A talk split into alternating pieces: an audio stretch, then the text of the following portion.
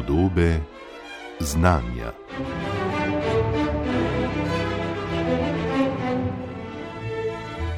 Kaj raste na naših poljih, na kakšne načine se lotevamo pridelovanja in po kakšnih živilih konec koncev posegamo, je vprašanje, ki je v zadnjih letih v luči vse bolj perečih podnebnih sprememb dobilo nove razsežnosti. Zaradi spremenjenih vremenskih vzorcev se je po eni strani jasneje pokazalo, da določene v preteklosti uveljavljene polščine nikakor niso optimalna izbira, po drugi strani je bolj v spredje prišla tudi tesna povezanost med konkretnimi načini predelave, kvaliteto pridelka in vplivi, ki ga ima to tako na naše zdravje kot na zdravje okolja.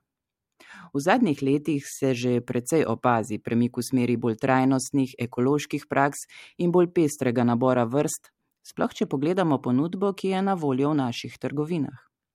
Koliko pa se ti premiki konkretno poznajo na naših nivah, kaj se uveljavlja in kaj morda premalo, bomo preverili v današnjih podobah znanja. Naša gostja je agronomka dr. Darja Kocjan Ačko, predavateljica na Biotehnički fakulteti Univerze v Ljubljani. Darja Kocjan Ačko, lepo pozdravljeni. Dobar dan, dobar dan tudi vsem poslušalcem. Že več desetletij se aktivno ukvarjate z najrazličnejšimi kulturnimi rastlinami in spodbujate uporabo številnih pokrivici spregledanih vrst. Kako bi sami ocenili spremembe v zadnjem obdobju pri naši dojemljivosti za poseganje po različnih vrstah, tako pri tem, kar damo na krožnike, kot pri tistem, kar posejamo na nive ali vrtove? Ja, tule lahko povem, da se je sprememba vendarle naredila eh, ali se dogaja tudi v zadnjem času na nivah. Je pa res, da če bi pogledali desetletja, v preteklosti, pa vidimo, da je struktura polščin šla v smislu prehrane v živinoreji. Tako da sem na nek način kar žalostna, ko vidim, da imamo trgovine polne, pestrost prehrane je možna, ampak v sami pridelavi pa je vendarle drugače.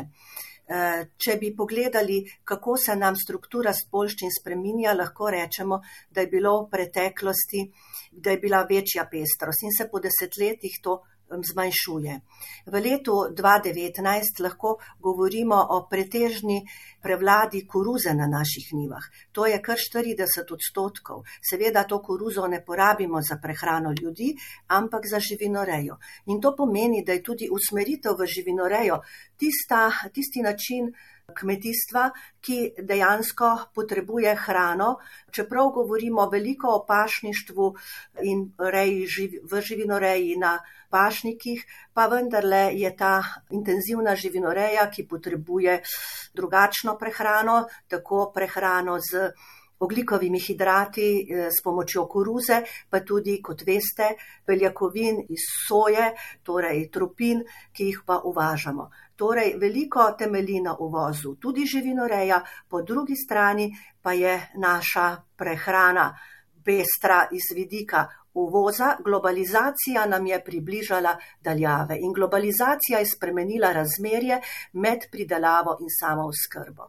Če bi pogledali naprej, kaj še imamo na nivah, lahko govorimo o pšenici, ki je nekako tisto krušno žito, o katerem smo vedno rekli, da je neka osnova, nek temelj. Ampak ta 50 odstotna samo skrba me po svoje skrbi tudi iz vidika, ker se tudi na tem področju precej žita izvozi pokupijo drugi kupci našega, po drugi strani pa tudi eh, v živinoreji se porabi del tega, kajti nekako so tudi živinorejci ugotovili, da je lahko pšenica tudi krmno žito. Predvsem se je pa zaradi koruze, ki bi jo bilo še več na naših nivah, zaradi koruznega hrošča, ki se je začel pojavljati v začetku 21. stoletja, se je koruza dejansko spremenila v smislu monokulture in je pristala v dvopolju. Skratka, koruzni hrošč, ki je takrat prišel iz Amerike, je koruzo nekako v to dvopolje premaknil. To pomeni, da je več tudi ječmena in seveda tudi ta ječmen ni za prehrano ljudi. Ampak očitno vidimo, da vse te velike kulture pridelujemo v glavnem za živinorejo. Eh, je pa seveda nekaj ječmena prav gotovo v smislu ješprenja ne, in ga najbrž pojemo tudi v zimskem času, da tukaj pri temu nimamo nekega bistvenega uvoza. Kar se tiče koruze v prehrani je bolj malo, veliko so skušali narediti tudi ekološki kmetje, kjer je koruza trdinka za zdrob in moram reči, da ta prehrana, ki, pa, ki pa izvira iz ekoloških kmetij, ki pa vendarle spet ne zadošča tisti porabi, ki jo imamo, pa je dejansko iz domačih njiv, tudi pšenica, pira predvsem, pa ječmen, oves, skratka vsa žita, tudi nekaj stročnic, čeprav tudi ekološki kmetje niso ne vem, kako v ospredju dali še stročnice in je še velika možnost za izboljšanje kolobarjev na ekoloških kmetijah. Če govorimo o industrijskih rastlinah, lahko rečemo, da jih imamo zelo malo. V preteklosti je bila tukaj sladkorna pesa, je bilo več oljne ogrščice, Zdaj v zadnjem času oljna ogrščica ostaja, ampak kaj? Ta oljna ogrščica se odpelje v predelavo v tujino. Nimamo neke predelave, kjer bi to seme ogrščice, ki je bogato za maščobami, tam nekje okrog 40 odstotkov, eh, ekstrahirali v to rafinirano olje. Ker večina olj uvažamo, zlasti ta olja, ki so namenjena za cvrtje so iz uvoza, se pa v zadnjem času res prebudila nekako želja po hladno stiskanih oljih in najdemo zelo velike izbore. Ne samo iz polščin, e, tukaj so pa recimo buče, ki niso čisto hladno stisnjeno olje, običajno je to gretje in pa praženje, potem pa e, se, ta, e, se to stiskanje naredi v smislu tega praženega bučnega olja, ki ga smo usvojili slovenci ne samo na Štajerskem, ampak mislim, da kar po celi Sloveniji. Je kakovostno, je pa seveda hladno stiskana olja, so v smislu kakovosti prav gotovo eh, tista, ki imajo vse, torej nič dodano, nič oduzeto, eh, medtem ko taka olja, ki so rafinirana, pa so seveda doživela precejšno tovarniško, tovarniški način predelave, solventno ekstrakcijo in taka ekstrakcija eh, tudi pomeni, da nekaj izgubijo, predvsem pa se jim poveča obstojnost. Nekako iz povedanega doktorica Darja Kocjan Ačko sem razbrala, da pri nas dejansko pride do slovenskega potrošnika predvsem tisto eh, bolj nekaj če lahko tako rečem, butične ponudbe, torej iz ekoloških kmetij, nekaj, ko že smo se vendarle potrošniki navadili, da radi posegamo tudi po ekoloških domači pridelavi, ampak očitno v večini primerov pa ta globalni trg s svojimi cenami nekako diktira in um, nekako ne zdi se, da imamo tukaj strategijo dobro premišljeno.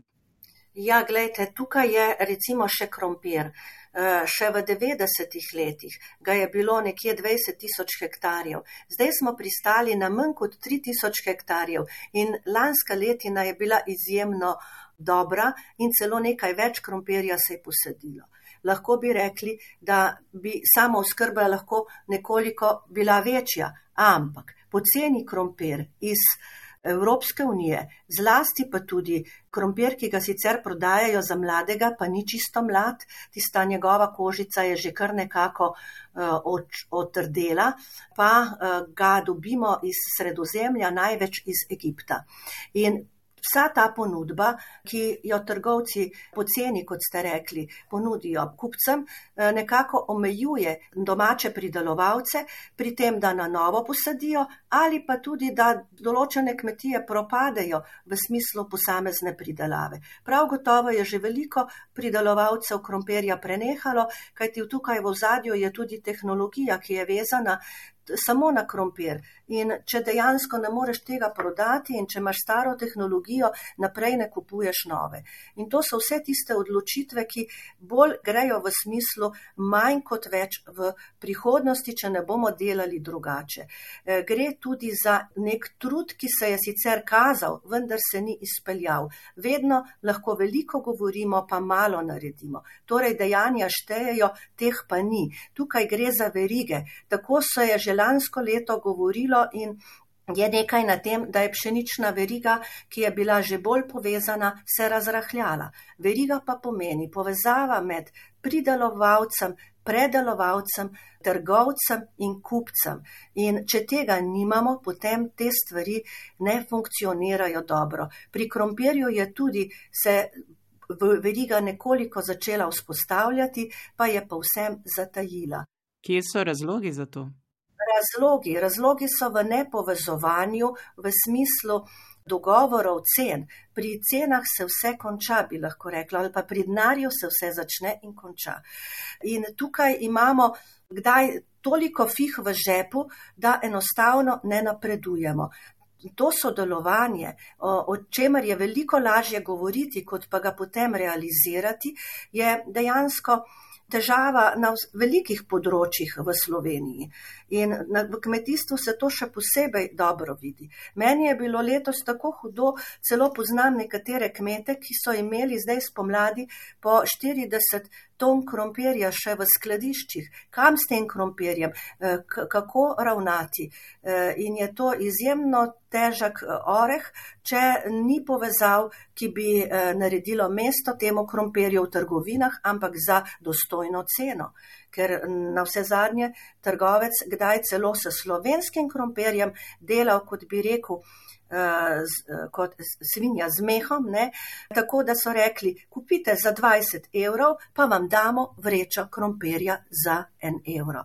Skratka, to je povsem podcenjevanje dela in pa tudi stroškov, ki jih ima kmet za samo pridelavo.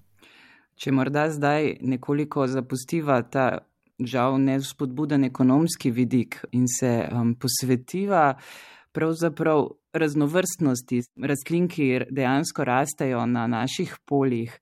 Um, zdaj sva veliko govorila o krompirju, o žitih, sami pa uh, doktorica Darja Kocjan Ačko tudi že dolgo zelo prisegate na stročnice. Pred petimi leti je bilo tudi mednarodno leto stročnic, na nje se v globalnem smislu zelo veliko stavi pri zagotavljanju zadostnih količin hrane za vse številčnejše svetovno prebivalstvo, saj med drugim predstavljajo izvrstno alternativo mesnim beljakovinom, ampak verjetno je to šele začetek odlik, ki jih imajo stročnice.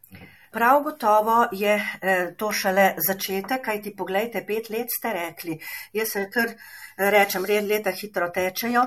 Kaj se je po petih letih spremenilo? Nekaj eh, se je dogajalo, seveda, tudi v stroki se je veliko raziskovalo na vse zadnje polski poskusi, en projekt z Mariborsko fakulteto in kmetijskim inštitutom. Eh, v tistem času, leto 2017, je prineslo celo 3000 hektarjev soje na naših nivah, kar bi pomenilo eh, kar precejšno količino, ki pa jo tudi nismo znali uporabiti sami, ampak je šla v izvoz, večina v izvoz. Tudi ta soja je nekako namenjena predvsem prehrani v živinoreji. Namreč v globalu je soja kultura, ki eh, dejansko je svetovnem pomenu strateško pomembna kultura, multinacionalke vodijo pridelavo. In pri nas je v sklopu Evropske unije, kjer je velika želja za izboljšati um, prehrano v živinoreji, za tisti del živinoreje, eh, ki je namenjen tudi za ekološko rejo in na vse zadnje eh, za nadstandardno živinorejo. Kajti eh, večina živinoreje, tako govedo, prešiči, perutnina, se prehranjuje z gensko spremenjeno sojo ravno iz Amerike. In tule smo imeli zdaj možnost, eh, ki pa je nekako zopet poniknila. Eh, lanskem letu je bilo približno 1500 hektarjev soje, tudi ta gre večinoma ven, čeprav se trudimo v Evropskem inovativnem partnerstvu v projektu, ki zopet združuje fakultete, svetovalno službo, kmetijski inštitut, eh, se trudimo, da bi kmetje ne samo pridelovali sojo, ampak tudi imeli pražilnice, kjer bi to sojo predelali. Namreč, kaj je problem pri soji? Problem je slaba prebavljivost beljakovin in krmljenje, tudi za krmljenje je potrebna obde, toplotna obdelava. In ker teh toplotne obdelave nimamo, različnih načinov, večjih je, eh, kajti soja vsebuje snovi, hemaglutinini, ureaze, proteaze, eh, ki dejansko lahko povzročijo tudi težave pri živalih, vsekakor je pa izkoristek beljakovin manjši. In potem kupujajo naši kmetje. Eh, uvoženo sojo, pa prodajajo našo Avstricam, Italijanom. To je sicer pri njih zelo zaželjeno, ker so tudi kot kupci bolj ozaveščeni, da to kupujejo. Namreč tudi pri krompirju, tako kot pri soji in posod, kjer se dotikamo tega, je kupec tisti, ki kupi. In kupec narekuje lahko, kaj bo kupil. Pri nas pa enostavno, kar pogledamo, govorimo veliko o tem, kaj je dobro, kaj je boljše ampak ko pa pridemo v trgovino, pa zmaga cena. In tako lahko rečemo, da pri stročnicah smo usvojili samo tisto, kar že imamo dolgo in kar smo lahko samo nekoliko povečali na nivah v zadnjih letih, pa še to ne prav veliko, to je fižol. E, v sročnici je pa več. Ni samo fižol, e, soja, ki je nismo nikoli do dobra osvojili, a ne niti v prehranine in jo takole nekako mirno uh, oddamo, ampak je potem še grah, čičerika, leča, vinja, vinjak, za katero mogoče bi nekateri rekli, se je eh, ime tudi lahko fižol, ampak spada v neki rod vinja in lahko rečemo, da ni fižol in ni soja. Potem eh, seveda je tudi volči bob in vse stročnice imajo en velik doprinos za tla, To pa pomeni, da imajo povezavo z bakterijami rizobijum in če ne drugače, bi morali kmetovalci tudi zaradi oskega kolobarja, tudi zaradi dejstva, da so stročnice naravna tovarna dušika, skrbeti za več stročnic v kolobarju. Torej, agronomski vidik povezave, ki jih ima ta rastlina kot edina skupina metulnica, nekaj ti vse stročnice spadajo v metulnice, bi morali na vse zadnje tudi v tem pogledu poskrbeti, da je pridelava cenejša na vse zadnje zaradi eh, te povezave. Eh, po drugi strani je pa pri tem treba nekaj znati. Namreč ni vseeno, na kakšnem zemlišču stročnice pridelujemo, da se vzpostavijo povezave z rizobijom bakterijami. Kaj pa je tu potrebno? Ja, tu pa je potrebno uh, vedeti, uh, kakšen je pH tal. Torej, gre se za to, da stročnice potrebujejo nekje pH med 6 in 7. To seveda kmetje dajo v analizo tla in dobijo te osnovne podatke o dušiku, fosforju, kaliju in pH-ju. In seveda, če so je ta pH manjši ali pa kdaj tudi previsok, potem ne bodo delovale bakterije. Pa ni samo to, mora biti tudi primerna toplota, temperatura tal nad 8 stopinj, potem mora biti tudi vlažnost tal, da to deluje dovolj železa in pa molibdena v tleh. Skratka, še nekaj je zelo pomembno vedeti, da vseh bakterij v tleh ni, zlasti pri soji te bakterije nanesajo posebej na seme, kajti v naših, tudi evropskih tleh, ni teh bakterij, ki so zelo specifične za posamezno stročnico. E, namreč pri soji je to rizobium japonicum ali bradi rizobium japonicum. Pri fižolu je e, rizobium fazeoli, pri grahu rizobium legominozarum. Torej, treba vzgojiti v laboratorijih take bakterije in jih dodajati. Kaj se torej eh, zgodi s tlemi koristnega, če eh, upoštevamo vse pozitivne vidike, imamo torej primerno pH vrednost tal in torej uporabimo primerno stročnico z temi eh, bakterijami? Kaj to prinese tlen, kakšne so tukaj koristi, doktorica Darja Kocjanačko? Ja, korist je dušik. Skratka, bakterije so delavne in se v eh, svojem življenju, ko so ali pridajo iz semena ali pa so prosto živeče v tleh, nalepijo na korenine stročnic, oblikujejo gomolčke in živijo v njih. Pri tem se dogajajo procesi, ki pomenijo vezavo dušika, ki je ob koreninah in zato morajo biti tudi tla za stročnice dovolj rahla, dovolj preskrbljena z kisikom, to se pravi prerahljana. Bakterija pobira dušik iz tega območja korenin in ga nekaj porablja stročnica, nekaj pa ga ostaja v gomolčkih. Tisti, ki ostaja v gomolčkih, pomeni, da ga bodo lahko pridobile polščine, ki bodo po stročnici. In zato pravimo, da gnojimo po stročnicah precej manj z dušikom, kot pa, če teh stročnic ni.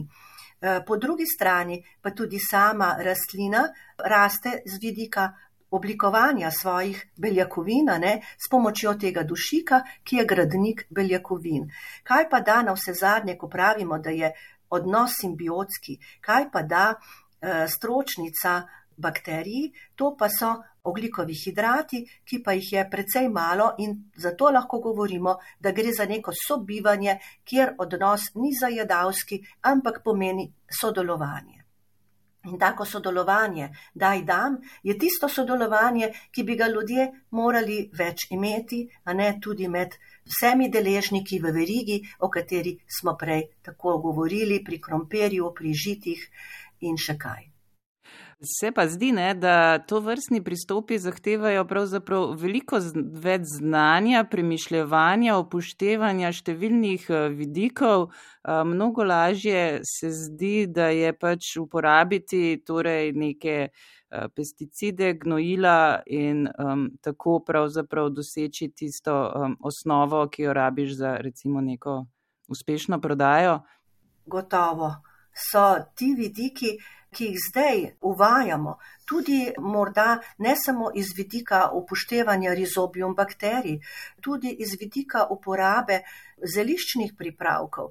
Tisti, ki se jih moramo nekako eh, bolj naučiti, opazovati, zlasti pri uporabi raznih pripravkov proti boleznim, so seveda zeliščni pripravki manj učinkoviti, ampak če izberemo prave, potem lahko seveda tudi v tem pogledu napredujemo in sem prepričana, da bodo na tem področju eh, prav gotovo se izboljšale razmere tudi za uporabo naravnih pripravkov, tako kot je za izkoristiti ta naravni dušik, eh, ki ga proizvajajo bakterije. Vseeno ne, se v zadnjem obdobju tudi pri nas, kot ste tudi že omenili, doktorica Darja Kocjan Ačko, širijo uh, alternativni pristopi k kmetovanju, ekološke prakse, najrazličnejši um, pristopi, ki na različne načine skušajo tako obogatiti tla na naravne načine, kot pač um, torej eh, povečati raznolikost in tudi imeti nek eh, pozitiven učinek na okolje, na biodiverziteto. Pa me zanima morda še, eh, koliko uspehov tukaj sami zaznavate, kateri pristopi se vam zdijo morda trenutno najuspešnejši, kaj bi se moralo bolj razširiti in kje so seveda uvire.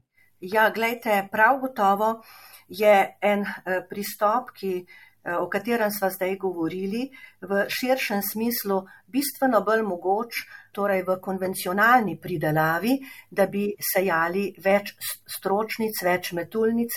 Tukaj niso zdaj samo zrnate stročnice, ampak so lahko tudi krmne stročnice. Gre se tudi za lucerno, črno deteljo, belo deteljo. Ne? Tudi ta je bila v preteklosti bistveno bolj razširjena, kot je zdaj.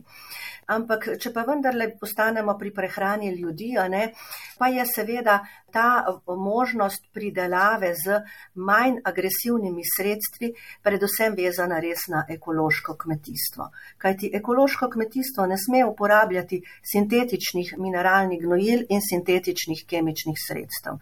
In eh, lahko rečem, da je politična volja za ekološko kmetijstvo v Evropski uniji pa pri nas se v zadnjih letih močno povečala.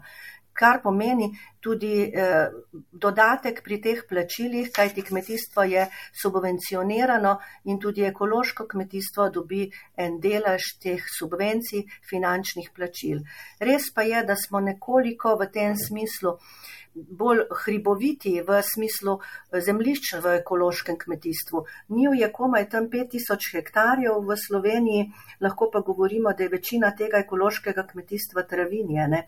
Vseh skupaj obdelovalnih zemlišč je za okrog 10 odstotkov, kar sicer želimo povečati, trudimo se že dolgo časa, vendar očitno ali premalo ali eh, oziroma se kmetje tako težko odločajo za preusmeritve. Eh, tudi tukaj je potrošnik tisti, ki bi moral več popraševati po domačih ekoloških izdelkih in bi potem tudi eh, kmetje imeli večji odriv in možnost, da bodo to lahko prodali doma.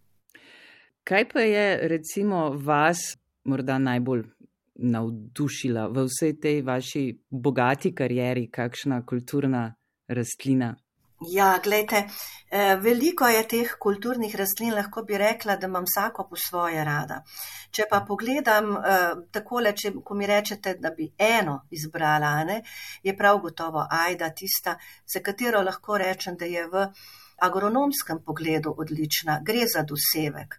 Eh, potem eh, kratka doba, lahko jo dodamo k nekemu posevku in ne ostanejo nive prazne. Glavni posevek plus dosevek. Potem lahko govorim o tem, da je izredno kakovostna za tla, tudi v smislu, v smislu mikorize in pa eh, tudi v smislu gostote posevka, kajti ajda potem za svojimi nadzemnimi deli listi lepo prekrije tla in ostanejo bolj čista, oziroma pravimo, da so po nive po ajdi manj zapleveljene.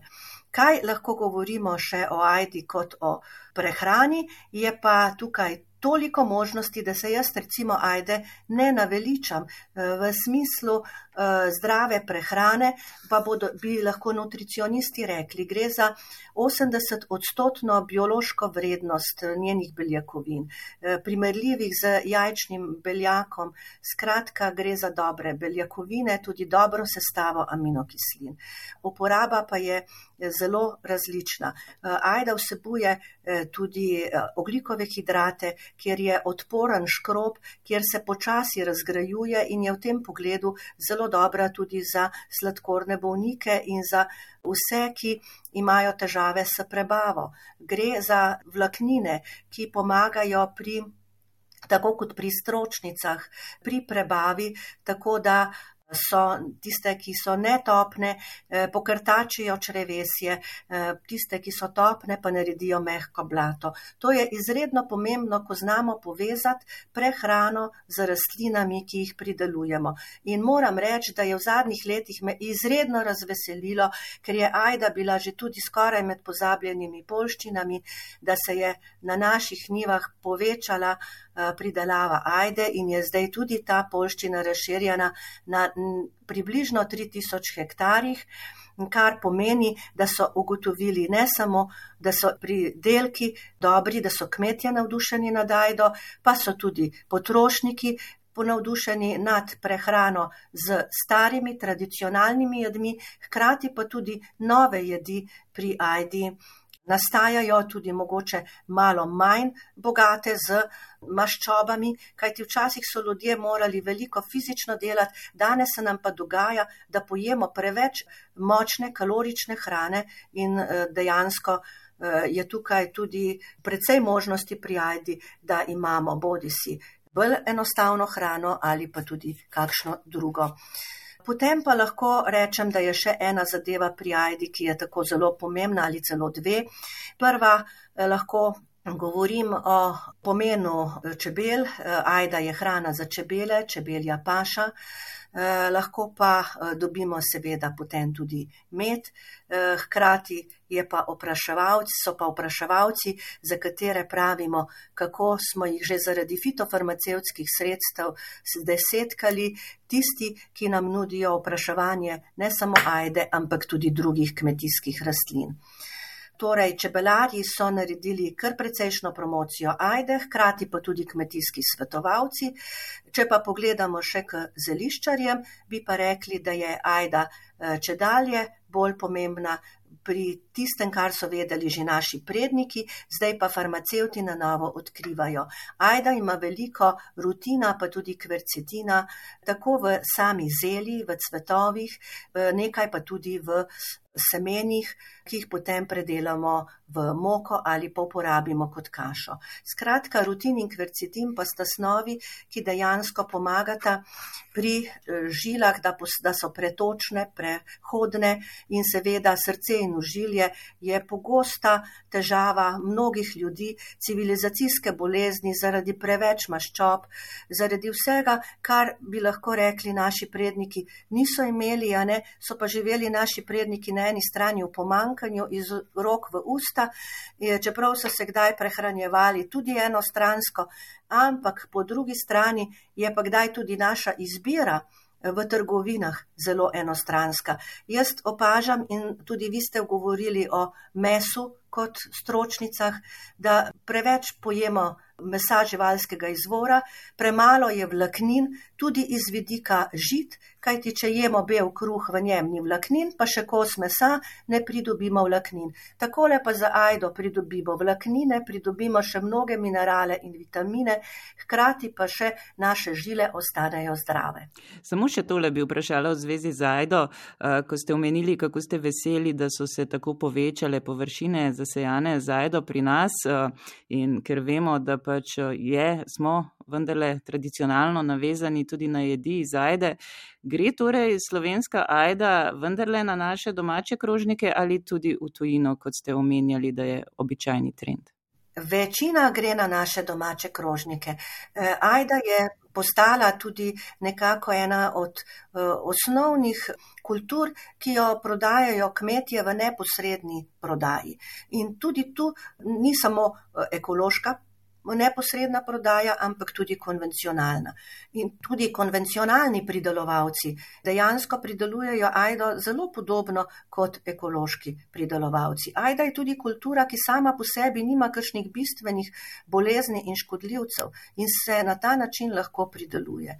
Ena redkih kultur, poglejmo, pri krompirju se to sploh ne da. Krompir ima resnično toliko bolezni in škodljivcev, pa tudi pšenica, tudi pera je lahko problematična za nekatera nižinska območja, tam, kjer je pšenica.